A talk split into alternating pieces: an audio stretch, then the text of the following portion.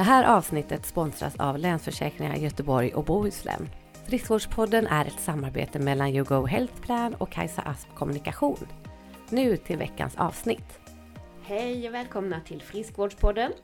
Idag så har vi eh, huvudavsnittet av intervjun med Christian Benedikt och det handlar om sömn. Han är ju en sömnforskare som har flyttat... En sån. Va? En sån sömnforskare. En sån sömnforskare. En sån. Nej men han är ju sömnforskare och har flyttat från Tyskland till Sverige och eh, bor i Uppsala och har gjort jättemycket arbeten Mm. på detta med eh, hur vi påverkas av sömn och av sömnbrist. Både hjärnan och hormoner, kroppssammansättning och ja, hela livet egentligen. Humöret. Väldigt intressant. Mm. Och vi tog med honom upp på ett hotellrum i Stockholm och eh, ja, det får ni lyssna på här. Mm. Ja men det var mycket. Ja, och Mm. lyssna även på förra veckans avsnitt där vi också har en del av Christian Benedikt där det handlar om hans eh, syn på hur, vad unga behöver göra med sin sömn och hur det påverkar en växande hjärna kan vi väl säga. Mm. Fast hjärnan växer alltid. Ja, Hela livet. Till Tack sista andetaget. man kan aldrig sluta utveckla den. Så är det. Det är häftigt Mm. faktiskt. Men eh, lyssna. Mm. Här kommer han. Lyssna! Lyssna. Lite tysk.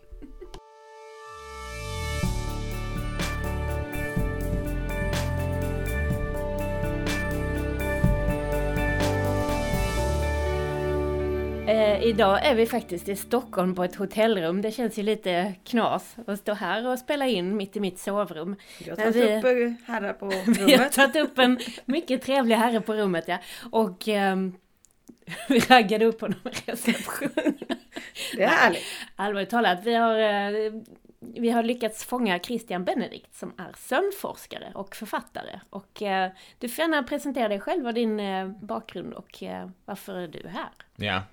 ja, det kan man undra sig varför är jag här. I mitt sovrum! precis, så um, ja, en anledning varför jag är, är att jag, jag kommer ursprungligen från Tyskland så därför låter jag som jag låter, men att jag var forskarstuderande under handledning av en väldigt berömd sömnforskare, Jan Born, som har kartlagt att vi måste sova för att befästa minne och för att hitta en lösning till ett intellektuellt problem. Så han gjorde ganska mycket um, inom sömnfältet och jag var väldigt inspirerad av detta och ja, det vill jag också göra. Men samtidigt när jag var forskarstuderande mellan 2000, det är ganska länge sedan, 2003 och 2008 um, ehm, föddes också alla mina barn som är nu 15, 14, 13 och 11. Men under den här tiden var det mycket sömnbrist, fast det är också idag mycket sömnbrist. Men hur som helst, så den här kombinationen att jag har haft en handledare som har lärt mig mycket om sömn och var väldigt inspirerande, väldigt klokt. Och att jag också upplevde så mycket sömnbrist, det tyckte jag, det är ju någonting som jag vill också um, göra. Och jag har faktiskt innan jag blev forskarstuderande under Jans handledning pluggat näringslära Mhm. i Tyskland, um, i norra. Tyskland. Mm. Mm. Med, precis, med fokus näringsmedicin. Och jag kollade också lite upp litteraturen mm, när jag var forskarstuderande hos Jan och såg det finns inte så mycket forskning kring hur påverkas egentligen sömnbrist beteende och också ämnesomsättning, beteende som hänger ihop med en bestämmelse att äta eller en beslut att äta. Hur påverkas hormon som spelar en roll för kroppsviktregulation, aptitregulation. Så det bestämde jag mig, jag måste söka pengar. Och det gjorde jag efter jag har disputerat i slutet av 2008. Och fick också den här anslag 2009, men Jan han är um, i grund och botten psykolog, sa till mig du måste gå utomlands, det är jätteviktigt. Så han använde en liten trick. Han sa till mig, jag kommer inte störa dig framöver. Du måste lämna mitt lapp. Och jag tyckte det var ju jätte otrevligt att han gjorde det så oartigt eftersom jag har ju haft så många barn. Men jag ändå bestämde mig, ja då kollar jag upp om det finns någon annonsering för något postdoktorstjänst och hittade väldigt spontant första grejen när jag um, sökte efter obesity vid Nature Jobs den här positionen i Uppsala. Mm. Och ja, det gick väldigt snabbt och i slutet av 2009 började jag min um, postdoktortjänst här vid Uppsala universitet och sedan dess har jag blivit docent i neurovetenskap. Jag har fått flera stora anslag för att bygga upp min egen forskargrupp. Och ja, vi försöker att kartlägga vad händer då med hälsan och prestation när vi inte sover tillräckligt. Och ähm, um, där har vi en huvudfokus på hur påverkas så vår kroppsregulation och metabolisk hälsa. Men jag kollar också hur prestation påverkas. Ja. Men, det var en eh, lång det var svar. gans- ganska en, lång. Ja, Jag- men så är det. Jag gick, Man förstår upp, varför jag är här. ja, jag gick upp för 4.20 för att träffa dig så jag, inte att jag höll på att somna men jag har sovit. Jag har lite sömnbrist. Okej. Så det kan ju påverkas då med mina smarta frågor här. Så, att de inte blir så bra. Nej, Nej, jag gick ju upp med glädje såklart. Såklart. Men alltså eh, kan man säga att sömnen är lika grundläggande som eh, maten till exempel? Alltså, Mm. Man, man Kan ser man- ju så ser hej, det finns flera pillars of health. mm, Så att man ser hej, mat är ju viktigt, fysisk aktivitet är viktigt, stresshanteringen är väldigt viktigt och jag tror också att sömn är väldigt viktigt. Till och med ser även vissa som forskare att det är så säga den här grund för de här olika livsstilfaktorer att påverka då hälsan. Eftersom man vet om du inte sover tillräckligt, har du ingen lust att röra dig, kroppen kan inte återhämta sig på samma um, utsträckning. Dina muskler kan inte visa tillväxt om du inte sover och kan inte reparera sig. Och, När man sover lite Så, kan man också mm, bli sugen på dålig mat. Man kan bli, Ja. precis, din matbeteende påverkas av sömn och sömnbrist. Um, som du har sagt, att man blir sötsugen eller sugen att äta också mycket skräpmat. Mm.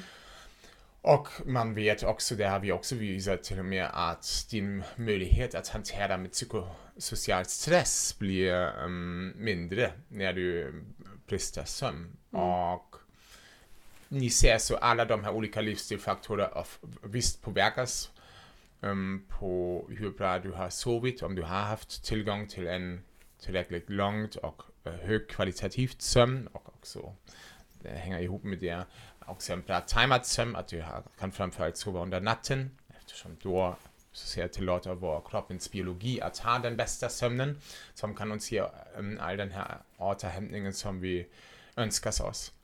Men man måste ju vara försiktig. Jag- tror man kan inte säga att sömn är en grund eftersom fysisk aktivitet tvärtom påverkar ju också hur bra du sover. Och det finns fast inte så mycket forskning. Det måste man ju också erkänna, särskilt inte så mycket experimentell forskning, men det finns vissa resultat som också visar, eller indikerar att även din matbeteende kan ha en på- um, påverkan på din sömn. Till och med när du under dagen äter kan ha en effekt, eller hur, hur långt du äter under dagen kan ha en effekt um, på hur bra du sover. Och visst, om du är väldigt stressad, det känner vi ju alla själva, om vi tar för många utmaningar och vi inte hittar så att säga en lagom eh, nivå med alla de här utmaningar, ja, och därmed menar jag fysiska men också psyk- um, psykiska utmaningar. Det är ju så att vi kommer över vår stress, så att säga, trösk, eh, äh, över en tröskel och upplever en väldigt stark stress som är ju otroligt påfrestande också för din förmåga att somna och få också tillgång till den här djupa sömnen som du behöver för återhämtning. Så man ser det som jag tycker är sömn, jag brukar beskriva det på sånt sätt. Du har en orkester, eller hur, med många, många musiker som tillsammans gör melodi, men man kan inte säga att det är bara sömnen som spelar en roll, nej det är också fysisk aktivitet, mat och, och, och, och de alla spelar tillsammans. Och du är så att säga den dirigent som styr, måste styra dem. Yes. Men du kan väl också säga att det är som en växelverkan för att om du då liksom Mm, blir är det. mer Mm. stressad för att du har sovit dåligt så sover du ännu sämre av att du är Precis, du, stressad kommer och så komma in, blir du det... kan alltså komma in det- i en sån ond cykel, ja. Ja. som på engelska vicious cycle. Ja, så det är precis. definitivt så. Mm. Så att det är gäller bara att man bryta det det. Man måste ja. bryta det till Ja. mönstret. Men Precis. många är så här, man ska gå upp tidigt och gå och lägga sig tidigt. Eller, och man är morgon och kvällsmänniska. Mm, Hur-. Det, det finns väl ingen fel och rätt i det? Det är bara så det Eller kan man styra om det? Mm, och det är ju när vi, ja, det är ju så mycket som man kan diskutera i det här Mm. sambandet. Det är ju också en annan grej, om du tänker då lite grann på din egen biolog, biologi, så ser vi har ju en dygnsrytm ja, Mm. som är styrd av en så att säga chefsklockan som sitter i hjärnan och får information över um, med hjälp av våra ögon. Hej, hur mycket ljus har vi nu ute eller är det mörkt ute och den styr då kroppstemperaturen, frisättning av vissa hormon, aktiverar eller deaktiverar stresssystem och därmed hålla, um, därmed synka alla klockor som vi har i kroppen. Men det som man också vet är um, att det finns ju en um, st- brett spektrum av olika så att säga, dygnsrytmtyper. Ja, det finns vissa som är mer en morgonmänniska, vissa som är mer en kvällsmänniska och de mesta är ju emellan kväll och morgonmänniska. Ja. Och när man tänker lite då på samhället, vi har ju ett samhälle som är egentligen väldigt inriktat mot morgonmänniska. Ja, Eftersom de mesta måste ju gå upp väldigt tidigt för att komma till skolan eller till arbete. Sen um, jobbar de så säga hela dagen och ja, sen förväntas sig, om man vill ju komma upp till dem, eller om man ja, siktar att komma upp till de här sju till åtta timmar, då måste man också lägga sig ganska tidigt under Ja. kvällen. Du måste kanske gå upp klockan sex, förhoppningsvis inte Nej, inte- 4.30 nej. som du idag. Ja. Och det är när man räknar tillbaks, usch, det är ju klockan ti- mellan 10 och 11 måste jag lyckas somna. För att komma upp till den här sömnlängden som jag läser överallt är rekommenderad. Och det, är, det kan vara också väldigt stressigt. Särskilt för de som är mer kvällmänniska eftersom de känner sig inte sömnigt till den här tidpunkten. Deras sömnighet kickas in lite senare och då sitter de och men jag kan inte, jag kan inte sova men här, jag måste ju försöka det och där kan du börja också förknippa så ser sänggående med någonting väldigt stressande. Ja. Så ja. Men ja, går det att påverka då? Att du eh, byter till... eh, till en viss utsträckning kan du ju påverka så att säga din um, timingen av din dygnsrytm. Visst går det. Man har till exempel gjort studie, campingstudier där man har tagit folk som var mer kväll och folk som var mer morgonmänniska um, från stan och sa nu måste ni um, tälta. Och de gjorde det. Och de har inte haft artificiell ljus, bara så ser den naturliga ljus, um, mörk, ja, ljusmörkrets um, cykel. Och det som de har sett var att de det fanns fortfarande så ser en liten den här variation i morgon och kvällsmänniska men de var betydligt tajtare. Så de var alla mer liknande. Så att de gick tidigt under kvällen till sängen och sov och vaknade väldigt tidigt under morgonen. Så till en viss utsträckning ser du att vår moderna livs, vår modern livsstil har visst en påverkan ja, med exponering till artificiell ljus, också hur vi tajmar våra aktiviteter. Det finns till exempel en studie som publicerades, jag tror fyra veckor sedan, där de har visat när du löper, ja, till exempel en timme eller sånt, du joggar. Um, det är så, om du gör det under morgonen, då kommer du att tidigare sätta din dygnsrytm, det vill säga du kan mäta det med hjälp av kroppstemperatur, men du kan också mäta det med frisättningen av melatonin under kvällen, som är ett hormon som frisätts av talgkörteln i hjärnan och förbereder så ser kroppen för hej, snart är det vilo, äh, dags att vila och återhämta sig och också öppna det här fönstret att din sömnighet kan kicka in och du kan somna och sova.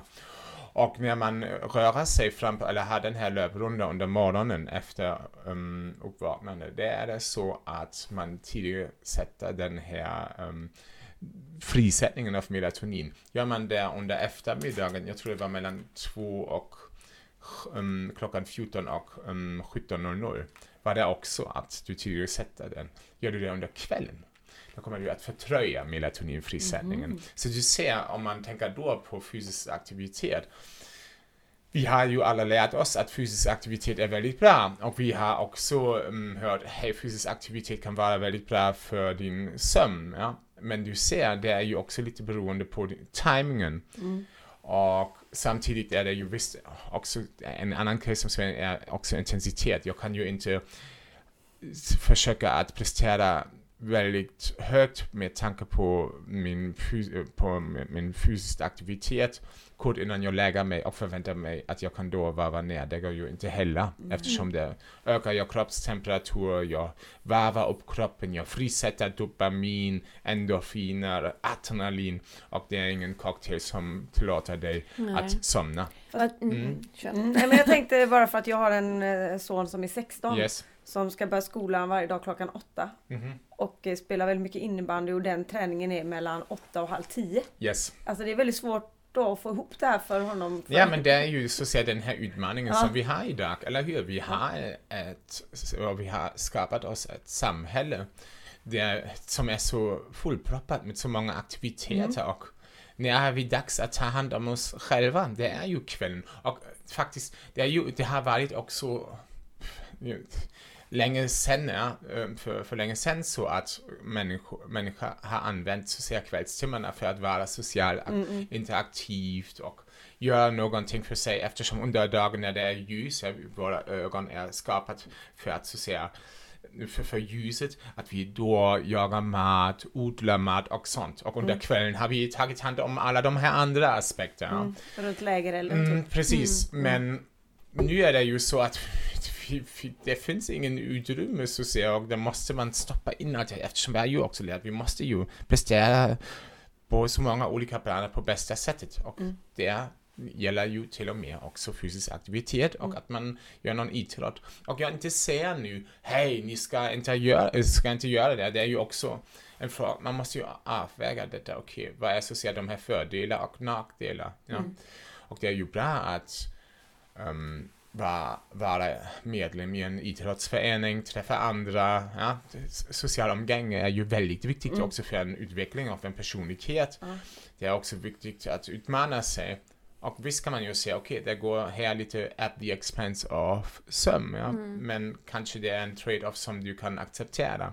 Men man måste ju vara bara, så att säga, medveten att timingen också när det gäller um, vår livsstil har en stor effekt på hur vår sömn påverkas. Det gäller ju också mat. De har till exempel gjort en studie med periodisk um, fastnande som kallas nymodernt time restricted eating, ja, som är ju typ nästan fastande så att säga. Som vi vet ju sedan flera hundratusen år ja, att fastande är, fastande är jättebra för vår hälsa. Att vi har de här periodvis um, fastande. Men de har ju nu gjort också studier, de har visat, okej, men det verkar så om du framför allt äter under dagen, så mellan klockan sju under morgonen till klockan fem eller ja, klockan 17.00 eh, sent under eftermiddagen eller upp, ibland även upp till klockan 19.00. Så att du har en 12, 10 till 12 timmars tidsfönster under dagen när du är aktivt och du äter under de, de här timmarna.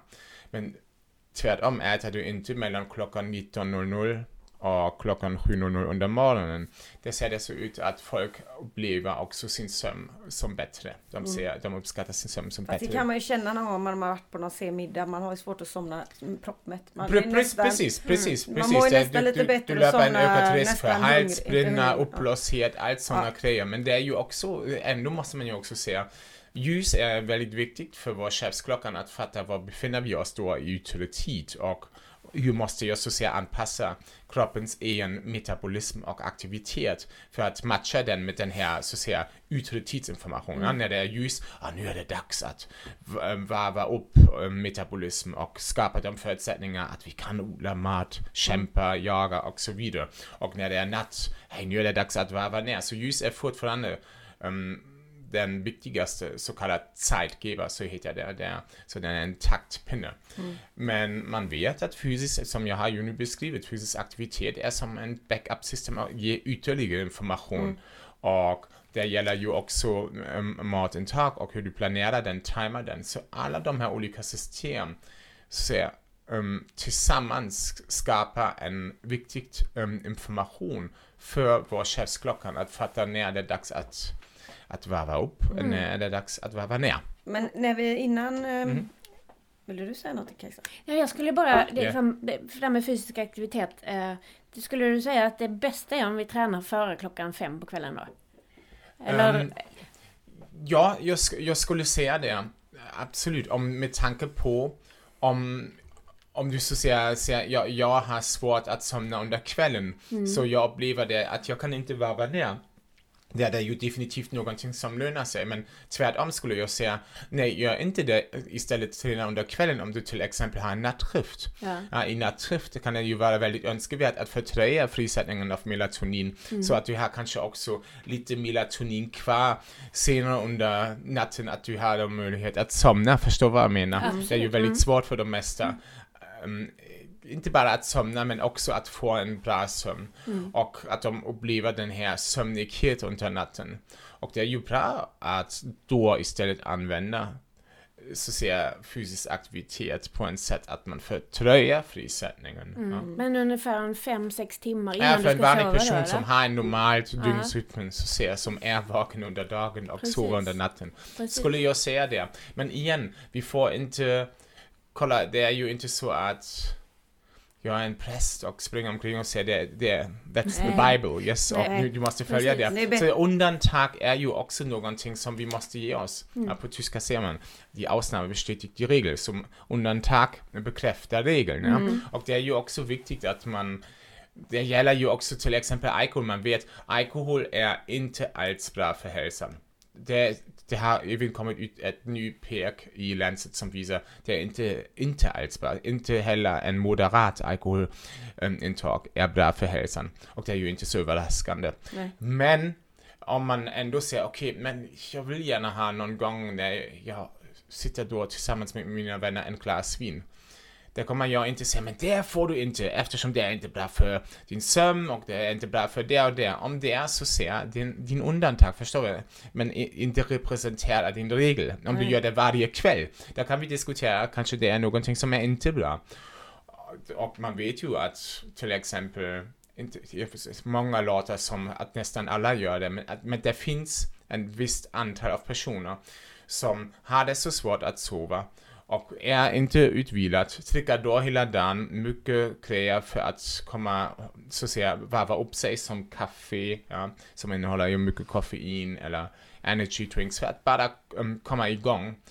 Och på kvällen för att komma ner då dricker de alkohol, för alkohol är väl känt för att varva ner dig och tillåta dig att um, somna lättare fast den är inte bra för din sömnkvalitet. Exakt. Nej, man vaknar ju ganska... Men igen, jag, jag tycker man måste inte göra alla de här eller vandra om alla de här rekommendationer till någon religion eller att det är en typ ett måste. Så får det inte vara. Undantag är ju också viktigt. Exakt. Men Ja. det var det vi pratade om innan vi Mm. satte på. Det var ju att man ska ju försöka få någon typ av balans i alla de här grejerna. Så man inte fokuserar så hårt på till exempel träning eller mat. Ja, sova då, kan ju inte sova hela dagarna. Men att man också gör det så att det... Lagom, Ja, man precis, måste ju precis. leva ja, och det viktigaste är väl ändå att vi har kul också. Och Precis, mår bra och... pre- precis, och det är ju också någonting som jag tycker är väldigt viktigt att lyfta i det här sambandet, också i samband med um, sömnen, att folk blir så stressat på grund av alla de här sociala krav och rekommendationer också. Så måste det vara. Och nu måste ju, har jag skapat mig en klocka som mäter min sömn, min aktivitet. Jag har även en app som mäter hur mycket jag har ätit av omega-3 äh, eh, ja, omega fettsyror. Hur mycket har jag gjort här och där. Det är ju hela tiden bara prestation, prestation, prestation, krav. Där kan man ju säga, ah men Christian, jag håller inte med. Jag, jag vill bara um, säkerställa att jag tar hand om min sömn, men det finns ju många som blir ja, väldigt stressade av detta och känner sig bara jagade av alla de här så att säga hälsokrav. Och samtidigt ska man ju också prestera högt när man jobbar och man ska vara den bästa pappa eller mamma. Så det, det går inte. Man, man måste ha en mer lagom inställning och det är ju också viktigt.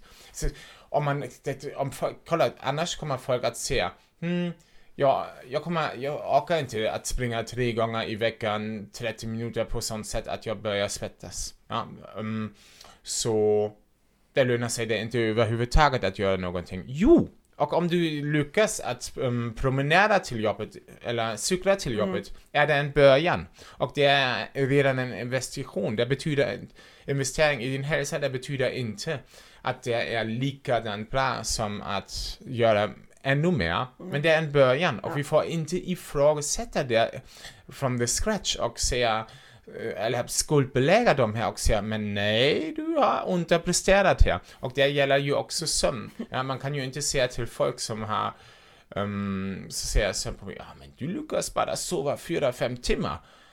Skäms du inte? Så det är ju inte tillräckligt. Nej, eftersom det, jag tror det är också viktigt att man och det använder man ju också i kognitiv beteendeterapi när det gäller insomni. Att man försöker bryta det här mönstret, det är så en stressigt, ångestbesatt upplevelse när man sover. Och man till exempel, till och med använder sånt som, som restriktion, att man ser stanna mindre tid i sängen, men när du befinner dig i sängen lyckas du också att sova. Och där kommer du att så att säga förknippa sänggående till någonting som, okej, okay, är faktiskt också någonting som jag kan då um, uppfylla, så att säga, jag kan då också sova. Men om man då följer alla de här rekommendationerna och säger, oh, jag ska sova 7 till 8 timmar och börjar då räkna tillbaks, eller framåt, oj, sju timmar, nej tillbaks, typ, man säger ah, imorgon måste jag um, gå upp klockan sex, oj, mellan tio och elva. Det börjar ju redan stress, Mm. klockan nio, ah, jag har bara en timme kvar. Så. Och kanske, som vi har ju också pratat om, du är en kvällsperson, du känner, kan till och med känner dig inte sömnigt. Mm. Men stressa dig, ligga då i sängen och försöka att Nej. bemöta den här så att säga yttre, ja, de här rekommendationerna som kommer från utanför. Det är, vi kan inte bara säga ha ett liv som är karaktäriserat av permanent stress och krav. Nej. Men, nej men det är så här när jag skulle gå upp så här tidigt i morse då sov jag jättedåligt för jag låg ju bara varje timme tittade jag på klockan för att tänka nu och jag men nej nu får jag bara tre timmar, nu har jag bara två timmar och jag låg där. Och så man stressad över att man ska vakna när jag det, man helt måste. färdig. För att eh, jag var så stressad att missa tåget typ, eller något. Ja, visst, visst, visst. Men det, är, kolla, men det är ju också någonting som är ju också normalt. Till exempel um, professionella atleter, de känner det när de har en tävling ja, och de ökar då träningsintensitet. När, ju närmare de kommer så ser den här tävlingsdagen. Det är ju så att de, de sista nätterna de brukar sova jättedåligt innan detta. Men där ser, kan man, får man så säga så oj, det- men det går inte. Jag visste du ska sova 7-8 timmar, men det går inte. Du visste också, åh, jag måste nu åka till Stockholm. Så du ser, ja visst, om vi har någon stress, om vi har en viss förväntning, vi, en förväntning av något, en särskild upplevelse eller en tävlingssituation kommer det påverka oss. Även om man har en examination, en tenta eller sånt, kan man, det kommer vi alla ihåg att vi kunde inte sova i natten innan detta eftersom man är för, så att säga, upphetsat så säga med alla de här tankar, uff, hur, hur går det? Men en grej som till exempel aus, um, som forskare från Australien ser, mm, till exempel när det gäller de här professionella atleter som då går stegvis närmare och närmare till sin tävling är att de gör någonting som kallas sleep banking. Att de försöker sova, så säga, um, för ut sin tävling och komma upp till en liten sömnöverskott. Visst kan man ju diskutera, är det möjligt att bygga upp en sömnöverskott? Men det är ju ännu bättre att satsa de här dagarna där du känner dig inte så stressad på sömn. Eftersom du vet, i den här natten innan jag har min tävling kommer jag inte sova på bästa sättet. Nej. Ja. Ja men det kan ju vara Ja så. men det är smart. Istället för kolhydratsladdning så kör man sömnladdning. Precis, och det är ju också sånt som vi, och jag måste verkligen säga det, um, vi har så en, så en 24 timmars perspektiv i allt. Ja? Så, jag måste, idag är idag och det finns inget, hur vi, hur vi ser på tiden, vi, tänk, vi, vi tänker i de här, så att säga, dygn, utifrån den här dygnets perspektiv och stress och nu måste jag komma upp till de här timmarna. I de här 24 timmar så måste jag äta igen nyttigt på sånt sätt. Jag måste göra det med fysisk aktivitet. Jag måste, måste, måste. Och man måste ju också se, eller man kan ju också se, man måste inte, man kan ju se, det, det är bra om man har ett mönster, även över en längre tidsperiod, som gynnar hälsan och är mer positiv med tanke på hälsan och din prestation. Och man måste inte ha så en, en mikrofokus på varje dag Nej. och ifrågasätta då direkt sin hälsa. Och det finns ju faktiskt folk som har också kontaktat mig och sagt du Christian, jag har en sån um, smart klocka som ger mig um, information kring min sömn och sömnkvalitet och hur mycket djupt som jag har. Och nu har jag bara haft 15 procent sista natten djup Men natten innan detta har jag haft 20 procent, så en nedgång av 5 procent. Vad innebär detta? Är det redan något farligt? Och förstår vad jag menar? Att Ja. vi det är väldigt svårt att. För, först, man vet inte så se vad är din individuella tröskel. Att det finns så mycket som påverkar din sömn. Allt detta som du gör och upplever under dagen ja, har en påverkan hur din sömn ser ut. Inte så ser de här grundprinciper av din sömnarkitektur, men hur djup den djupsömn är. Om jag till exempel, när jag kommer ihåg när jag flyttade till Sverige och folk pratade mycket med mig på engelska och svenska. Jag var så trött hela Ja. tiden eftersom jag var inte van att göra det på samma utsträckning i Tyskland.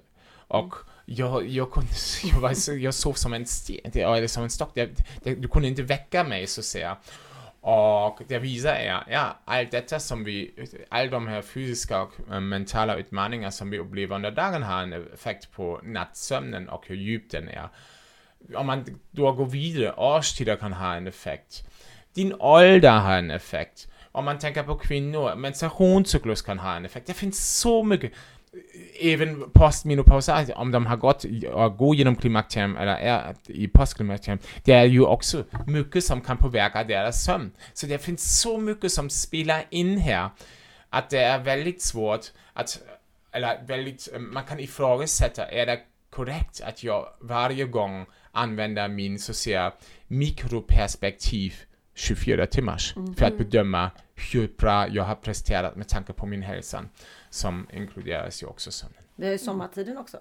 Att vi flyttar klockan i Sverige. Ja, Är det bra? Um, det har vi ju haft nu förra veckan. Forskning ser ganska tydligt att det är inte bra, ja. Eftersom vinter, kolla, man måste ju se det, vintertid är våran standardtid, ja. Och um, sommartid är inte våran standardtid. Och man vet, om man till exempel kollar på samma tidszoner och jämföra folk som bor i mest östra delen med de som bor i mest västra delen, att de i mest västra delen, de har var en senare soluppgång och nedgång. Ja, till exempel i Tyskland en halvtimme eller sånt. Och det leder ju också att till, jag har ju sagt att vår dygnsrytm är ljusberoende, att vår dygnsrytm um, förtröjs ju mer väst vi bor så att säga, i en, inom en tidszon. Och vår samhället är ändå för båda i östra och västra delen likadant. Samhällets rytm, man måste gå upp tidigt. Så de löper en större risk att sova för kort. Förstår vad jag menar? Ja. Och när man har standardtid är det ju också så att solen står då på högsta punkten klockan 12. Ja. Så jag skulle säga man skulle gå för standardtid och vi ska sluta prata om sommar och vintertid. Men de har ju nu bestämt sig att de vill avskaffa den här tidsomställningen och förhoppningsvis kommer alla de här um, länder överens att de går för standardtid och inte olika tidszoner, det som skulle ju vara helt idiotiskt. Ja. Ja. Och man måste ju också säga, um, tänk, när vi pratar lite om sommar och vintertid, är ju väldigt känslofärd den här diskussionen eftersom ordet vinter associeras med kylan, kallt, ja, jag kanske sjuk, jag har mycket, måste, mycket kostnader för element och förstår vad jag menar, Ja. det är ju ingen positiv Ganska association. negativ, ja. Och när jag tänker sommar, semester, um, jag är ledig, ja, allt är solen är här så och, och det gör det väldigt svårt när folk diskuterar om det. Och säger men det det är idiotiskt, ja, så kan man ju inte diskutera och uttala sig för vintertid eller standardtid. Men när du tänker till exempel på vintern då, om du skulle ha permanent sommartid, det skulle eh, solen kanske i, i de värsta månaderna gå upp klockan nio eller sånt. Det betyder att du går till skolan eller till arbete i mörkret. Och det säger de mesta, ja men det har ju, ju mer ljus senare under dagen, men de mesta jobbar ju upp till klockan 17, även Mm. till och med i skolan till 16 och 17. Så de får inte den här tillgång som de tror Mm. till ljus. Så de går, de, de kommer i mörkret och går i mörkret.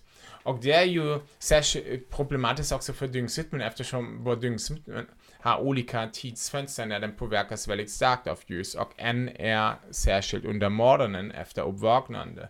Där har vi ett tidsfönster som kallas the morning wake maintenance zone där vår innerklockan är väldigt känslig till ljus. Och när du exponerar din klockan under den här tiden till ljus är det inte bara så att vi känner oss piggare eftersom serotonin produceras mer, den här lyckosociala ämnet i hjärnan.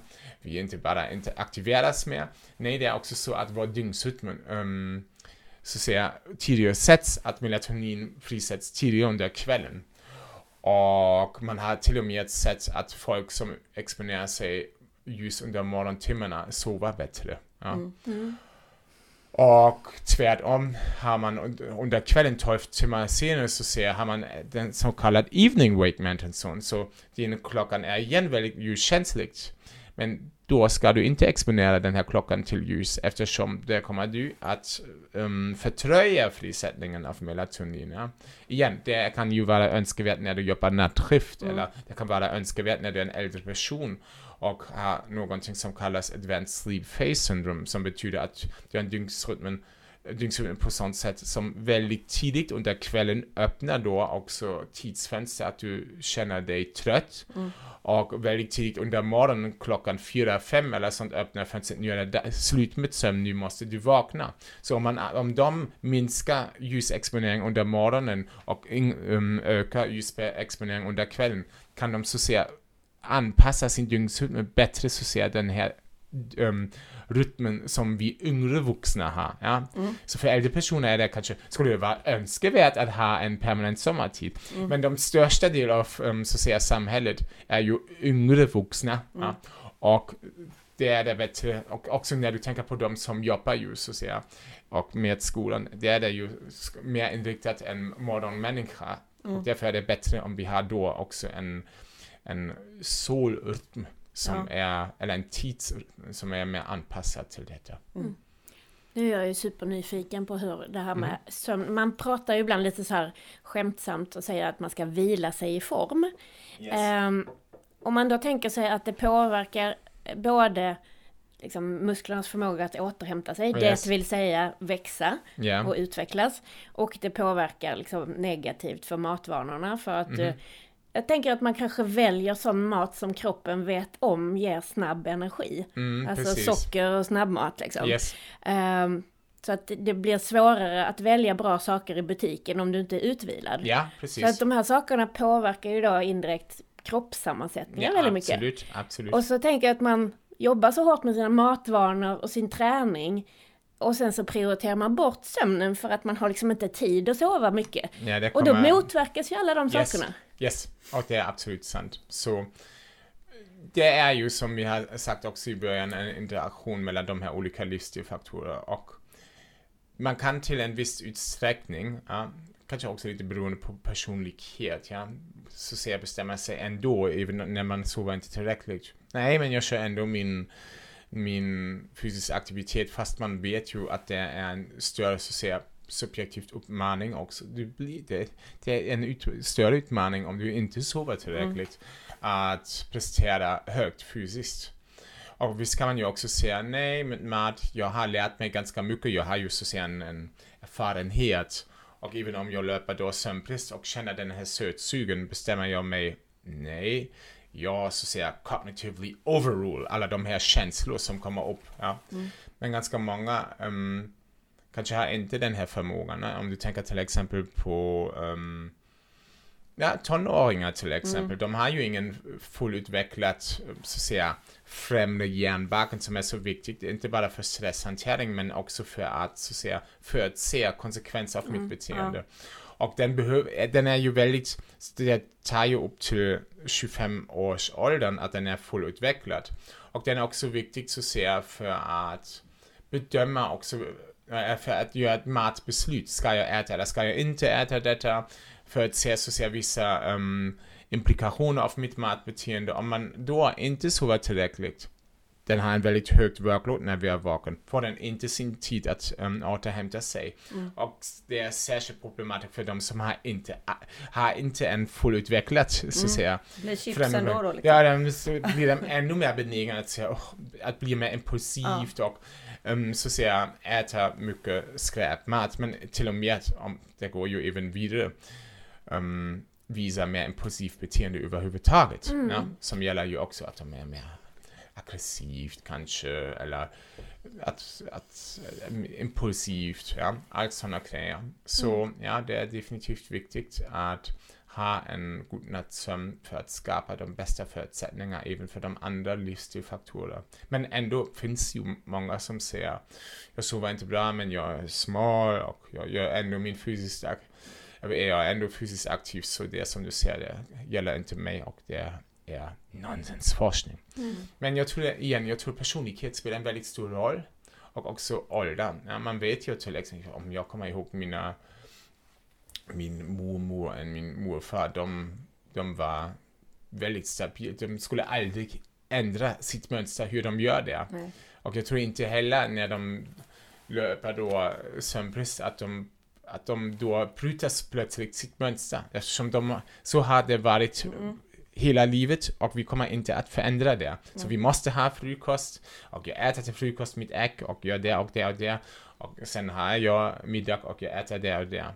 Visst kan man ju säga, okej, kanske de äter då större portionsstorlekar och jag kommer inte att ifrågasätta att även äldre personer påverkas av, att de inte påverkas av sömnbrist. Fast det är en ganska hett um, område just nu i forskning för att kartlägga om det är faktiskt så att de likadant påverkas av sömnbrist som yngre vuxna och till och med också um, tonåringar. Men igen, om man har så att säga en ganska så att säga ja, hur kan man säga det, en, en personlighet eller ett mönster som är väldigt starkt och etablerat, är det också för sömnbrist en utmaning att bryta det. Mm. Ja. Men min eh, pappa kan ju inte sova men han kan heller inte ta bort sin kaffe på kvällen. Mm. Mm. Den är ju Den är ju intressant. den är intressant. Då får Mm. man fråga sig hur gärna vill han ta tag i sina fast, fast, sömnproblem? fast det, kolla, det som man måste ju också säga är ehm, det gäller ju också till exempel de här tonåringarna, den här sovmorgonsdiskussionen. ja. Mm. Bara på grund av att vi har gjort det alla de här åren betyder det ju inte att det är korrekt. Nej eller jag hur? står faktiskt och, Och tänker måste, på det. och man måste ju också med sovmorgon, jag, när, jag, när vi pratar om sovmorgon, det är ju så, man måste snabbt um, berätta er lyssnare. Det är ju så att de som går genom puberteten, de blir mer genomsnitt um, kvällsmänniskor. Och det gör det ju svårt för dem eftersom man måste ju ändå gå upp tidigt under morgonen men deras biologi inte tillåter dem att känna sig sömnig tidigt under kvällen så de löper en större risk på grund av samhällets rytm, så att säga, eller rytmen inriktat mot morgonmänniska att de sover inte tillräckligt och de behöver ju ändå mycket sömn för hjärnan går igenom ganska mycket förändringar. Det- Där pubertet är ju också en väldigt period av livet där du vidareutvecklas att säga din personlighet kroppen växer, visar ganska mycket tillväxt, du blir en vuxen, ja, och, och, och. Så det i sig är ju inte bra och det ser ju ganska många som forskar till och med, ja, det skulle vara bättre om man um, erbjuder dem en sovmorgon, att de kan lägga sig senare, men också med tanke på prestation, det finns studier som visar det, att man när de lägger sig senare presterar de bättre i skolan, när man även till och med senare lägre äh, och examination under en skoldag presterar de bättre jämfört med när du gör det under morgonen. Mm. Men nu kommer vi tillbaka till detta. Där ser ju ganska många, men jag var också en ung person och fixade, eller klarade av skolan och nu är jag professor. Eller sånt. Så det är ju skitsnack. Men man måste ju vara väldigt försiktig eftersom det, här pratar vi om optimisera, så att säga, eller optimera den här processen och man, visst, man har ju också använt 30-40 år sedan bilar och har använt bensin och diesel och så vidare sagt ja, det funkar jättebra. Och nu har man kommit så säga till slutsatsen, oj, kanske vi det är lite fem över tolv Ja. med tanke på att vända så säga Mm. den här um, påverkan av bilen, bilarnas bränsle på klimatet och vi måste verkligen göra nu någonting. Men lite flextid i skolan kanske kunde vara bra. Ja, precis. Man men- kan men- komma någon gång mellan åtta och halv tio, lite Men- när det men- passar en själv. Precis, kanske. men det är ju också en logistisk fråga Aha. så att säga. Men det som jag tycker som skulle vara egentligen kanon och som ganska många studenter också gör är du, du hittar ju mycket material online. Man kan ju göra eh, distanskurser, man kan så att säga spela in ett, um, en undervisning där man, som du kan streama via internet eller sånt. Visst, där, kommer, där kan man ju säga, men det är ju också viktigt att man har en interaktion och det håller jag med om. Man kan ju ändå skapa så kallat core-tider, eller hur? Um, core times där man måste komma och som gynnar så säga alla till, um, till en viss utsträckning. Men den mesta tycker jag kunde man ju kunde man ju göra på sånt sätt att man säger okej, här har du så säga, ser du kravet, det är så att säga de här um, lektioner som du måste kolla och du måste kolla dem och du måste logga in dig och mm, även um, tekniskt är det möjligt att spåra, att kolla att de har gjort det. Ja. Sen kan man, är det ju också viktigt när de gör det på sånt sätt att de blir mer så att säga autonom. De, de, de börjar väldigt tidigt att förstå jag måste också ta ansvarighet för mig. Det är, jag måste så att säga gå igenom alla de här lektionerna för att få den här kunskapen som krävs för att klara av en tenta. Alltså förstå vad jag menar. Och man vet till exempel med studenter, de använder det ju ganska mycket. Ja, ja, de här jag är 16 flextider. år. Och vuxna gör också det ganska oftast, att anpassa det lite bättre. Men- Men de här tonåringar, det gör vi det inte alls. Nej, för att det, han går i nian. Mm. Och han gör jättemycket inlämningar som han kan sitta hemma för, ja, om man hjälper. Ja, Yes. ja, och lämna in. Och så bara, vad gjorde du i skolan? "Ja, Men läraren var inte där. Fast de måste ändå vara där åtta. Fast det är nog mycket dödtid. Så jag tänker att om du gör så som du säger så kanske de kunde börja halv tio. Så jag tycker också det är viktigt att man har eh, så som du säger, att man umgås och hela den här biten. Men man kanske har en, ja men lite så. Jag tror, och jag tror inte det är svårt att fixa. Nej, och, Nej. och en annan grej är ju också, man, man vet ju, det har kommit ut nu en studie som har till exempel visat att hjärnans koppling, kopplingsmönster, ja, som kallas function connectivity, um, så de kopplingsmönster mellan olika hjärnregioner, den är, ser lite annorlunda ut bland de som är mer en kvällsmänniska jämfört med en morgonmänniska. Och där tror man, ah, det kan ju också det ser lite trögare ut under dagen, under de här så säga classical 9-17 times, så en vanlig arbetsdag. Då kan man ju tänka, hmm, där kan de kanske inte prestera på, på, på samma sätt, fast de kunde det, eftersom du väljer en tidsfönster för dem som passar inte dem. Och, ma- men jag skulle gå vidare, det betyder ju inte att alla kvällsmänniskor kan inte prestera bra under, bra under dagen, även om det är en vanlig säga, arbetsdag. Men det som jag tror är att vi måste förstå att vi alla har en viss um, vi har tidsfönster under dagen där vi når vår work capacity. Det betyder, där kan vi prestera bra, där kan vi ta upp mycket. Och det är ganska individuellt. Det kan vara annorlunda för dig och för dig och för mig. Och den ska vi utnyttja. Så om jag känner att ah, nu kan jag verkligen prestera, nu känner jag mig redo. Bums, då kan jag gå igenom alla de här säga online möjligheter för att lära mig de här, plugga alla de här, eller skapa alla de här kunskaper. Det måste ändå finnas de här core times där man ses och kan också prata genom detta som man har till exempel har gått igenom om man har vissa frågor. Hej, jag har inte fattat det, kan du förklara det eller sånt. Där måste man ju också möta en lärare. Men hur som helst, Sen är det ju så att du har då igen vissa tidsfönster, mellan de här tidsfönstren där du känner så ser den här förmågan att um, ja, bearbeta information, att lära sig någonting, att blogga. Har du tidsfönster emellan där du kan inte alls göra det. Men vi ändå vill att våra barn sitter då i skolan från 8 till 16.00 med en liten lunchpaus och blogga, blogga, blogga, blogga. Mm. Ja, det är väldigt... eh, De, Och det, om, jag tycker det är, det är svårt. Och, men, men, men, men igen, ja, man, man kan ju diskutera det utifrån en vetenskaplig perspektiv. Det är ju ändå också en fråga, hur lätt kan man implementera detta i verkligheten? Och vi har nu inte så att säga givit den så att säga bästa um, the golden solution eller som förstår vad jag menar. Men jag tycker ändå att det är bra att det finns en diskussion kring detta och vi måste också um, kommer därifrån att vi så har det varit va- hela tiden, så varför ska det inte vara idag Det på måste ju samma vara sätt? så att några Mm. lärare är kanske kvällsmänniskor som kan börja senare då. precis. Så alla, alla vuxna är inte samma heller. Så det måste ju- Precis, Ja, och precis. de skulle väl kunna lägga sin planeringstid på morgonen Ja, istället om de ändå vill börja åtta Yes. de också. Yes. Så, Så. Men, eh, mm. Men en annan grej som jag tänkt på det är så här. eh, Nu råkar jag vara morgonmänniska. Mhm. Och min sambo är ju kvällsmänniska. Mhm. Det är väldigt bra. Då kan vi ju liksom hela tiden.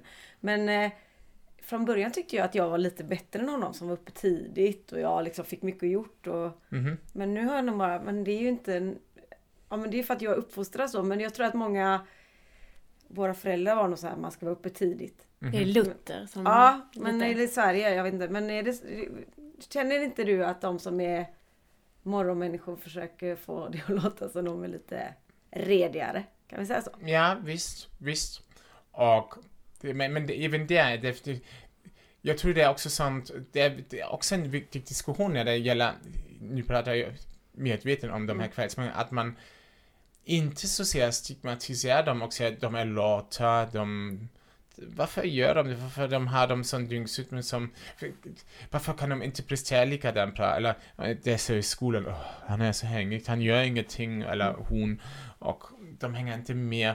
Ja, eftersom du inte anpassar ditt krav med tanke på timingen till deras dygnsrytm. Nej.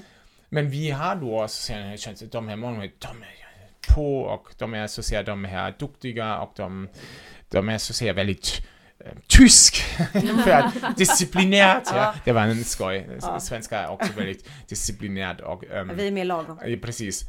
Hardjobbande. Men det, jag, jag, jag, jag tror det är en jättestort problem som många kvällsmänniskor har. För det är ju synd om mm. dem, eh, om, vi säger, om vi går på elever nu, de som eh, är som min sambo då, som eh, inte vaknade förrän 12 i skolan. Det var ju nästan att man gick hem. Ja, dagen slut. Att, och hans syskon var väldigt så här morgonpigg och alltså, han blev ju... Nu Okej, det, det, det- blir, det har ju precis. gått bra ändå men jag menar Det blir väldigt så här, speciellt i skolan Mm. blir så tydligt att man är en slapp eller man kommer för sent och man kanske inte tar in information och man... Mm. Och jag tycker också att det är så... Det är synd om man, tänker, om man skulle anpassa så att säga alla de här, så att säga, krav till en persons dygnsrytm skulle du ha kanske också en möjlighet att se de här möjlig, den personens potential. Förstår vad jag menar? Och kanske eftersom vi tvingar även de mer kvällsinriktade människor till den här så säga morgonmänniskainriktat samhälle kan de inte prestera på samma sätt och vi då kommer att, ja, som jag sagt, du är lat eller den där, och det är underpresterande personer. Det är ju helt vansinnigt, Mm. eller hur? Eftersom det är så att säga samhället som skapar en, en ramen som passar inte dem, deras biologi. Men det borde ju bli lite skiftning nu på det eftersom allting är digitalt. Man har inte direkt de här, man börjar 7 till 4. Ja, precis. Ju, men, men, ja, men, det börja- men, men, men kolla, vi, det är ju också en fördel med digitalisering, Ja. om man pratar om digitalisering, att du har då mer flexibilitet. Men igen, skolan har vi inte nej, den här nej men flexibiliteten. skolan är ju... Och man måste ju se till och med, är det samma sak också i förskolan? Det Mm. är också en, en väldigt tydlig um, arbetsdag som de har. Mm. Så måste det vara så. Och sen vill föräldrar inte att de här unga hjärnor som visar så mycket till, tillväxt och um, utmaning och ja, ni förstår vad jag Mm. menar. Att, att de får inte sova, annars kommer de inte sova i natten. Och så det är ju helt... Det är vansinnigt. Ja. Herregud, ja, man anpassade Jag- sina aktiviteter efter barnens... Vi kan inte köra bil där mellan 14 och 16 och 30 för då somnade de och sen kan de inte sova i natt. Och Ja. Det blir ju helt... Man Yes. trodde man kunde styra dem väldigt mycket. Men jag, jag man- tänker så här att det måste bli, för jag har en som bara är nio år. Ja, Och han är en kvällsmänniska. För alltså, Okej. han gråter ju varje morgon när jag väcker honom klockan okej. sju. Så jag hoppas att det blir ändring till han blir tonåring. För han kommer ju få en sån utmaning. Men en, en grej som jag kan säga är, är ju äldre vi blir, så vi, vi, vi, när vi går genom puberteten blir vi mer kvällsmänniska och tjejer når sin så säga, senaste tidpunkt i sin rytm med 20 och pojkarna med 21. Och därefter, men inte likadant snabbt, går vi stegvis ner, och inte ner, tillbaks till en mer morgonmänniska liknande. Så det vet ni kanske också när man nu är 40 eller i 40-åldern, det är det inte så att man eller hur? Har samma förmåga att hålla sig vaken också under natten, även om barnen är inte där. Ja, du kan inte gå och festa till klockan två och tre. Redan klockan tolv känns så, jag måste sova. Nej, jag är helt förstörd om jag har varit uppe till klockan precis, två på eller hur? Och med äldre personer vet man det ännu mer, så ser som jag ju också sagt, att de har så ser den här advanced sleep phase syndrome, att de känner sig väldigt tidigt trött under kvällen och de går också upp väldigt tidigt. Och det är ju också en utmaning eftersom de försöker att ändå hänga med och hålla sig vaken då under kvällen och under morgonen vaknar de fast de har sovit bara Mm. få timmar eftersom deras dygnsrytm eller deras klockan säger nej, nu är det dags igen för Mm. vakenhet. Men jag tror att jag, nej, jag tror faktiskt att jag har, eh, jag behöver inte lika mycket sömn som vissa andra. Nej. Och jag, det kan ju ha med att jag har haft restaurang, jag har varit uppe men jag, Ja. om jag är uppe till två så jag vaknar sju så är det inte kat- katastrof. Det är nog Mhm. beror på vad jag har stoppat i mig i så fall som kan vara det. Mm. Nej, för eh, jag kan inte heller sova länge, även om jag har varit uppe Nej, länge. Så kan men jag, jag kan vakna överleva vid det. sju, halv åtta ändå oftast. Men eh, ja, jag tycker också det är lite skönt att stiga upp på morgonen, får man gjort mycket. Ja, jag får ju så mycket egentid hemma nu när man har tonåringar och sover. Så jag får ju liksom fyra timmar där jag kan bara... Eller hur? Göra vad jag vill. Det, ni har ju också pratat vilka så att säga yttre faktorer kan användas för att um, påverka din dygnsrytm och det är ju till och med ljus, fysisk aktivitet, mat, men den värsta för att påverka din dygnsrytm är barnen. Ja, men du, Eftersom du, kan, du kommer inte under... nej, det, du, det kommer man ju de, aldrig de, glömma. de, de är ju så i början, Den så mycket terrorn. morgon, Mm. morgonmänniska och du, du kan ju inte, de väcker dig och säger hej, nu är dag. Ja, då vill man... Mm. Det hade ju ingen annan kunnat göra mot den. Yes. Varje morgon. Väcka Yes. de 4.45. hade fått. Yes. Då hade man ju strypt dem. Men det gjorde Yes. man ju inte med sina barn. Man gick upp och Nej, lekte med lego. Precis. Ja men det är väl också lite det farliga att man, man liksom följer barnets dygnsrytm på natten. Mhm. Men man går inte och lägger sig på dagen när de sover middag. Mm. För då ska man göra så Nej. mycket annat och då ska Mm. man städa huset och så vidare. Att när barnen är Nej, riktigt små, då visst. tänker jag. Att då ska man faktiskt gå och lägga sig också. Mm. Ja, man möjlighet. är det ju så att man säger att man skulle framför allt sova under natten. Mm. Jag tycker det är definitivt viktigt att göra det eftersom det äh, finns också vissa hormonella villkor som skapas av din inre klockan som i samspel med sömn ger dig så att säga de bästa um, hälsoeffekter och Mm. återhämtningseffekter. Mm. Men om man har ett barn som inte tillåter, eller flera barn som inte tillåter dig att sova överhuvudtaget, use it Ja. när de sover Ja. sov själv. Ja. Då kommer jag inte heller säga, ah, du kan ha en powernap men inte längre än max 15-20 minuter, du kommer inte ner i djupsömn. Sov. Ja, ja, men man försöker. Ut, att du kommer till en viss utsträckning i kapp också med den här otroliga sömnpress som du Mm. upplever som en Mm. Förälder. Mm. Skaffa inte många barn. Jo, jo, jo. Men så ska vi inte säga till honom. Absolut. Eh, jo, nej, men om vi tänker oss då de här sakerna som vi pratade om förut som påverkar kroppssammansättningen. Och Mhm. det påverkar ju liksom den kroniska eller långsiktiga hälsan Mhm. kan man säga. Eh, med tanke på diabetes typ Mhm. 2, övervikt, fetma, hjärt Yes. Kan det också påverka det liksom mer akuta eh, frisk sjuktillståndet? Alltså Mm. det, det Yes. försvaret mot förkylningar, influensa och sånt? Ab- absolut. Mm. Så det, man har till och med visat att när man gör en vaccination mot hepatitis A och B, alltså en virus, um, och en vaccination är ju ingenting annat som en kontrollerad infektion. Mm. Och försökspersoner får inte sova i natten efter vaccinationen. Medan en grupp får göra det. Och man mäter deras antikroppsproduktion en månad senare som är en typ mått av hur bra har immunsystemet så att säga svarar till den här virus. Den här, det är virusspecifik um, antikroppar. Um, där ser du att den är mindre när du har inte sovit i natten efter vaccination fast du har haft många, många andra nätter för att komma ikapp. Mm. Så det visar dig att um, sömn är väldigt viktigt och avgörande. Avgörande är kanske starkt, men det är väldigt viktigt så att säga för um, de här um, early steps av din immunförsvar. Så det är väldigt, väldigt viktigt i en tidig stadium av din immunförsvar att du får sömn. Och man vet också med förkylningar när folk exponeras för förkylningsvir förkylningsvirus och de brukar sova inte tillräckligt, till exempel mindre än sex timmar, har de en fyra gånger högre risk att utveckla en förkylning jämfört med de som sover som rekommenderar mellan Mm. sju och nio timmar. Men igen, helhetsperspektiv får vi inte glömma bort här eftersom om du till exempel ja, möter en person som inte tvättar sina händer, som har en förkylning efter to- toabesök och sen tvättar dina händer och du sen äter någonting eller sånt. Ja, tack, det är det också, jag tror jag har en ännu högre risk att få en förkylning. Och vi vet ju också alla, nu har vi alla haft förkylningar och den här in- influensa så säga, de här sista tre, fyra veckor. Hur snabbt det sprids och det är ju um, framförallt inte på grund av sömnbrist, det är framförallt på grund av hygienbrist. Så man måste, när man pratar om sånt, också t- visst tänka lite på det. Men visst finns det ehm, också andra viktiga effekter också på kort varsel på sömnen med tanke på hälsan. En är ju till och med att din främre, din pannloben och en del av pannloben som kallas främre hjärnbark som är så viktigt för stresshanteringen och även för att så att säga hantera med dina impulsiva känslor. Den behöver sömn och om du inte har tillräckligt sömn, särskilt de här tonåringarna på grund av deras främre hjärnbarken är inte fullutvecklad innan 25 års åldern. Det blir du mer impulsivt och det är du kanske när du står framför godisväggen mer benägen att fylla godispåsen och säga nej, jag, jag följer mina känslor. Eller du är också mer um, konfliktsugen. Ja?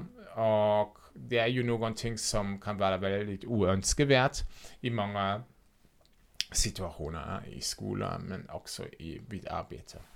En annan grej som vi har visat um, är i, vid Uppsala universitet är att försökspersoner när de sover bara en halv natt jämfört med en full natt, de faktiskt kognitivt presterar likadant bra när de sover en halv när det är väldigt lugnt och um, ja, en, en lugnt miljö, väldigt avslappnande. Men om du därefter exponerar dem psykosocial stress, säger det måste du göra, det måste du göra, har många uppgifter och därefter en gång till så säger jag testa dem. Där presterar de med 10% mindre när de har haft bara en halv natts sömn jämfört med sömn där de presterar likadant bra. Man kan inte sortera lika bra kanske. Ja, precis. Och, och man måste ju säga, det är ju också, det liknar realiteten eftersom vi brukar prestera i situationer, vi får, brukar ha en krav på oss i situationer um, som är stressigt. Ja? Om jag befinner mig i, i min skolklass och min lärare säger Hej Christian! Nu måste du säga, vad är det och det? Det har ju en så säga, social stress eftersom alla kollar på mig, eller hur jag säger, vad säger han? Eller om jag ger en föreläsning framför 3000 personer och de vill ha nu en timme entertainment. De har ju också en väldigt högt prestationskrav på mig. Ja?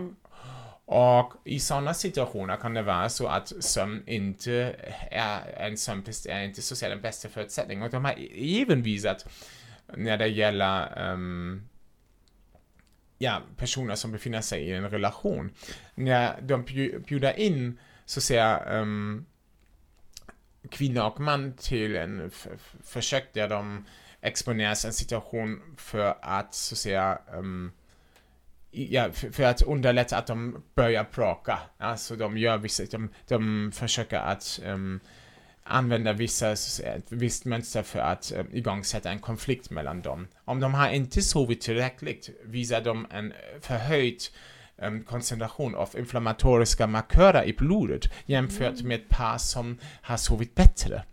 Och de är också mer benägen att börja en konflikt jämfört med de som inte har, um, som har sovit tillräckligt. Det kan man känna igen lite. Ja, och det visar det, oj, så det finns många p- de här kortvariga effekter som är ju absolut oönskvärt. Och på lång sikt, om det är så att säga en um, repetitiv beteende, ja, inte heller bra för din hälsa. Och man vet ju också när man inte har sovit tillräckligt bra eller har sånt som sömnapné och får inte den här tillgång till en högkvalitativt sömn, att de löper också en ökad risk för en nedsatt um, uppmärksamhet um, vigilance på engelska och det är ju jätteproblematiskt när man tänker lite grann på en traf- trafiksituation. Mm. Eftersom en trafiksituation krävs ju att jag hela tiden bearbetar allt detta som ligger omkring mig och jag måste anpassa min körande, ja, så nu måste jag bromsa, nu måste jag gasa.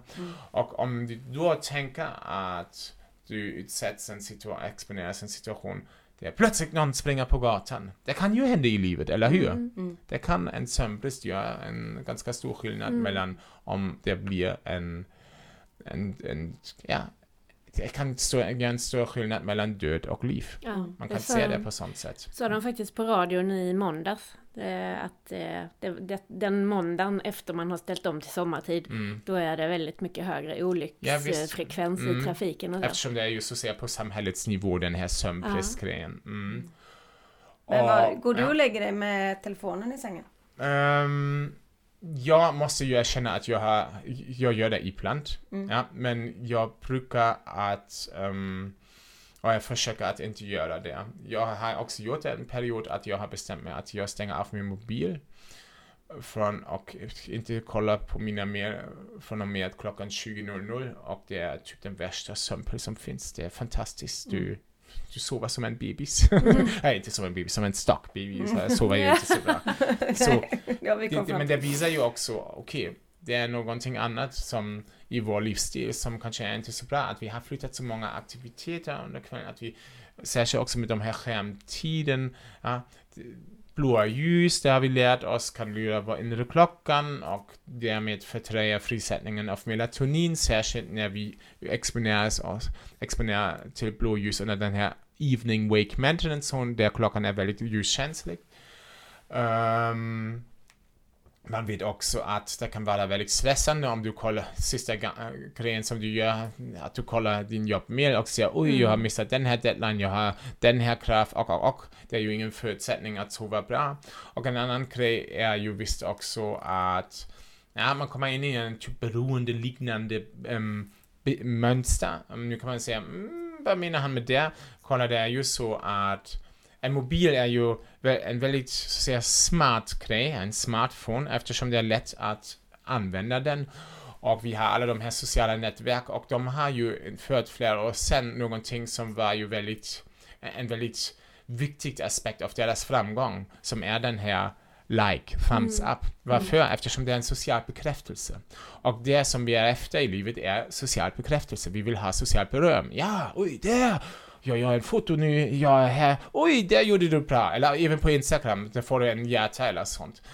Och de gör det så smart att de, de vet att du lär dig, okej jag får en social bekräftelse, men för att ännu göra det mer intressant gör de det så att när du har till exempel en inlägg, att din bekräftelse visas senare fast någon har redan svarat på detta. Där får du en så kallad delayed reward som hjärnan ännu mer gillar. Att den hjärnan tror jag kommer att få en bekräftelse men kan inte riktigt förutsäga när den sker. Och till slutet blir det även så att du måste inte ha en social bekräftelse. Det måste in- inte, någon, det måste inte vara någonting som har hänt i sociala nätverk. Bara att du gör här beteende att jag sätter igång min mobil och kollar på sociala nätverk räcker som en stimulus för att frisätta, eh, eller igångsätta min belöningssystem. Och när man så att säga, gör det flera, flera gånger, hundra gånger under kvällen sånt, är det så att man får då hela tiden de här, även om du inte får en social mm. beröm, får du de här mikrodoser av dopamin. Och det kan då i sin antal bli så mycket dopamin att du har svårt att sova eftersom dopamin låter ju jättebra, det är viktigt för rörelse, um, regulation men det är också viktigt för belöning. Men dopamin är en vakenhetsframkallande ämne. Mm. Och där kan man inte sova. Nej. Yes. Och ni som vill Och eh, höra... sista, Ja. sista grejen som jag vill också äh, säga med de här skärmtiderna, får man, som man får ju inte heller ähm, bortglömma är att vi blir otroligt distraherat. Mm. Ja? Mm. Uh, man känner det också själv, va? att man, man har svårt att fokusera även under dagen på sina uppgifter eftersom ah, det har hänt någonting på min eh, mobil eller sånt. Och jag tror, varför blir man, en förklaring varför man blir så distraherad, det är ju så intressant och belönande för hjärnan. Socialt beröm, möjligtvis socialt beröm. Kom, vi måste kolla. Men det kan då till och med leda, eh, leda också till att du under natten kanske vaknar, att hjärnan säger hej, vi måste ju kolla upp Ja. den här mobilen. Ja. Mm. Eller hur? Och det kan då leda till att ja, du har en väldigt fragmenterad sömn. Mm. Ja, precis. Lägg den här. Det, ja, precis. Eh, den, ni som vill lyssna mer om de här sakerna så kan ju gärna backa tillbaka några avsnitt och lyssna på det som vi spelade in med Anders Hansen Mhm. eh, om de här sakerna. Och även det vi spelade in med Gustav Martner Mm. om diga, gi- digitalisering. Också. Mhm. Och lite så tänker jag också på, ehm, ehm, åh, nu tappar jag namnet. Marcus Torgeby. Ja. Det, det klickar in väldigt mycket i de här samtalen vi har haft Mm. tidigare också. Och även när vi pratade om alkohol tidigare Yes. med förra veckans avsnitt Mm. med Mikaela Frode. Så att eh, ja, det är härligt att känna att vi faktiskt har det här helhetsgreppet på friskvård som vi vill ha. Yes. Har du några tips kring det här med hur man eh, jobbar med de här? Hur kan en arbetsgivare liksom eh, främja sömnen och hälsan hos sina medarbetare? Ja, och det- därmed också hur deras hjärnor funkar. Absolut. Jag tror att man, jag tror det som är viktigt är att man till exempel uppmuntrar folk att söka sig själv och sin dygnsrytm bättre så att säga med den här ytrytmen. Mm. Att man till exempel ja, uppmuntrar dem att ha en fikapaus, inte inom men utomhus. Mm. Eller hur? Vad Mm. gör vi? Vi brukar sitta inomhus Mm. och äta våra kanelbullar. Mm. Kanelbulle i sig är ju, ett, kan man diskutera om man ska äta den, men hur som helst. En promenad Det- kanske bättre. Det, precis, det är ju bra. Mm. Och det är också bra att sitta nära fönstret eller att ha en aktiv lunchpaus där du går ut. Du Mm. inte bara promenera, ja, som är ju i sig bra, men också att du får en ljus Mm. Och jag tror det som är också viktigt, särskilt med de som är så högpresterande och det finns ju många som löper också den här risk att gå i vägen och utveckla en utmattningssyndrom. Att man väldigt tidigt som en ehm, chef är, ja, känner av lite grann, okej, kanske vi måste, det är bra att du presterar så bra och det är väldigt uppskattat. Men du måste inte prestera på sånt sätt att du tar alla de här utmaningarna. Det är viktigt att vi säkerställer att det finns en sund fördelning av um, ansvarigheter och krav um, Det tror jag. kring alla som Mm. medarbetare. Eftersom ganska många tar och tar, särskilt i den här tiden, så många utmaningar, så, de tar eller ac- accepterar så många utmaningar och inte ser, fast de känner av det, jag går faktiskt hela tiden över min egen tröskel som, med, med tanke på hur mycket kan jag belasta mig. De går över den hela tiden. Mm. Och ändå gör det eftersom jag tror annars eh, kom, kickar de mig ut eller sånt. Och det kanske inte ens är, alla kanske inte ens är viktiga grejer man gör, men man gör Nej, alla lika bra. Nej, Fast, och man, man måste ju bara se Mm. då, om man ser det, det finns så mycket, man måste tä- tänka om man har en medarbetare, komplex, det är ju en person, det har också en familj och allt sånt, man måste Mm. um, ja, be, beakta alla de här olika aspekter och tänk på det och tänk, okej, hur mycket kan jag göra med den här personen under den här perioden? Det är ju bättre att du har en utvilad person Mm. som kan prestera då bra istället för att ha en överpresterande person som just nu verkar prestera ännu bättre än de som har så att säga en lagom belastning men framöver kommer ha en sjukfrånvaro eller till och med e- även en sjuk närvaro, Mm. ja, som är ju också ett problem, att de Mm. kommer då och känner sig psykiskt och um, mentalt och fysiskt helt utmattnat, men ändå komma och det kan ju också bli farligt för andra eller Mm. det kan ju också bli problematiskt när man tänk, tänker bara ekonomiskt. Ja? Mm.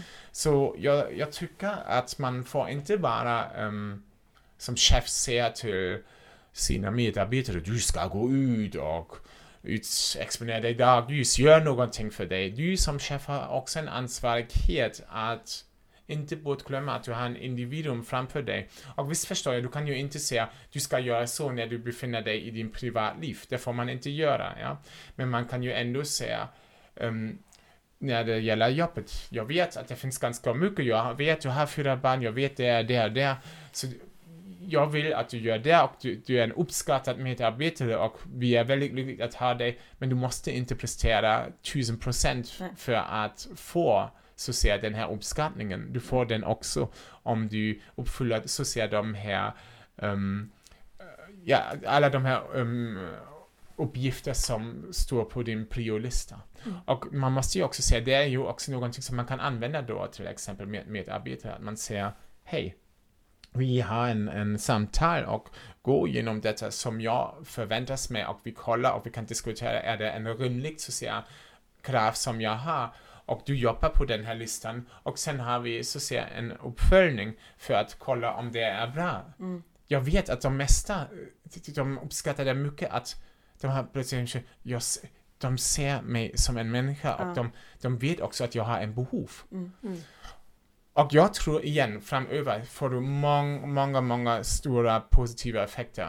Med tanke på nöje av dina medarbetare, med tanke på deras hälsa, med, eftersom alltid, om jag vet, jag måste, det, det inte, jag måste inte stressa mig, det finns en förståelse för mm. mig. Och jag har en chef som förstår att vi måste hitta en rimlig ramen av uppgifter, uppgifter, utmaningar, belastningar, där kommer du också att prestera definitivt bättre. Mm. Ja, och vara framgång, mm.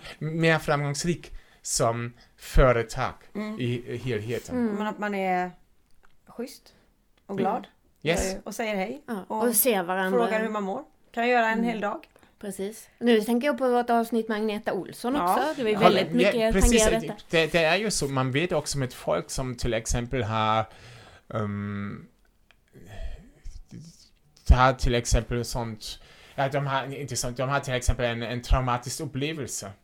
Ganska oftast, vet du vad, vad är en väldigt viktig, jag, jag inte bagatelliserar det, men ändå var en väldigt viktigt steg är, och de ser också det, det, det, det hjälpte mig, det, det var, det lättade, så ser min situation till en viss utsträckning är att du bara lyssnar till mm. mm. Att du säger, hej, hur mår du egentligen?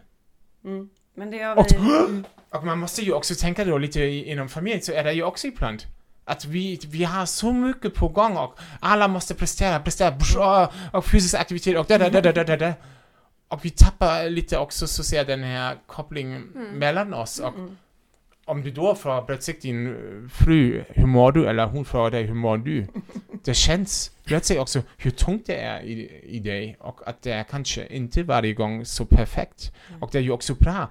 Vi behöver det. Vi måste träffa folk, vi måste se folk, vi måste lukta folk, vi måste interagera med dem för att också ha en möjlighet att bearbeta alla de här sociala belastningar som vi har och den här stressen. Mm.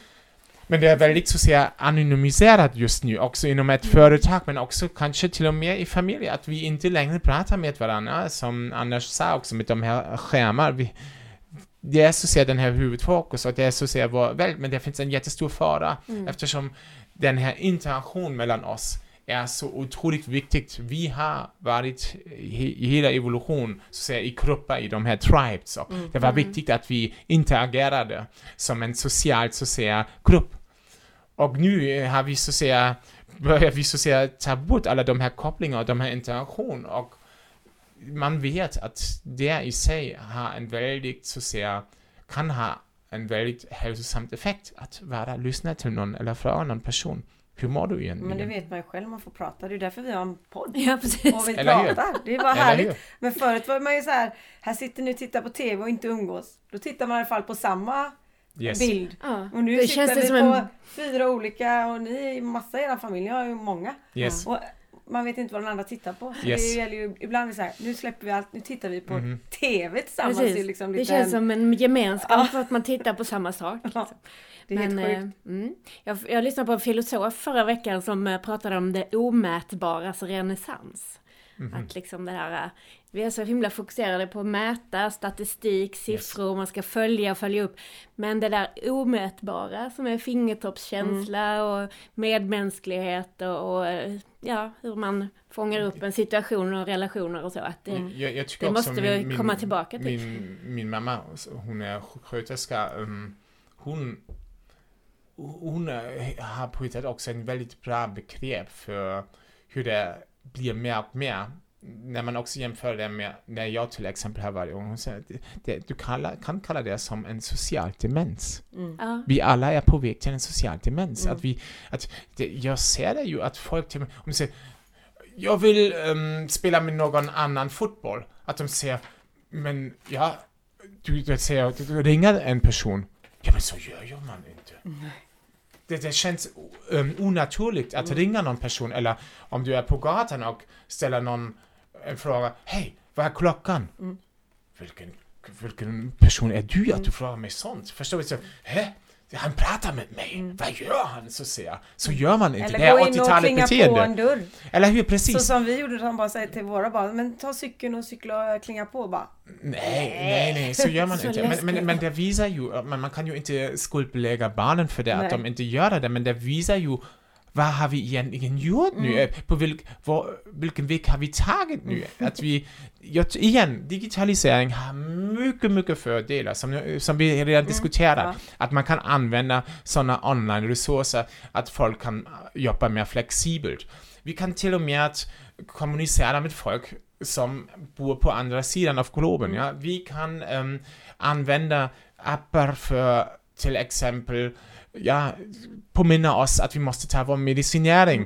Vi kan förhoppningsvis även använda teknik för att hitta någon sömnproblematik som sömnapné, som du annars om du lever ensam skulle inte du, du skulle inte veta det, att du har det. Så det finns mycket, mycket, mycket, mycket fördelar.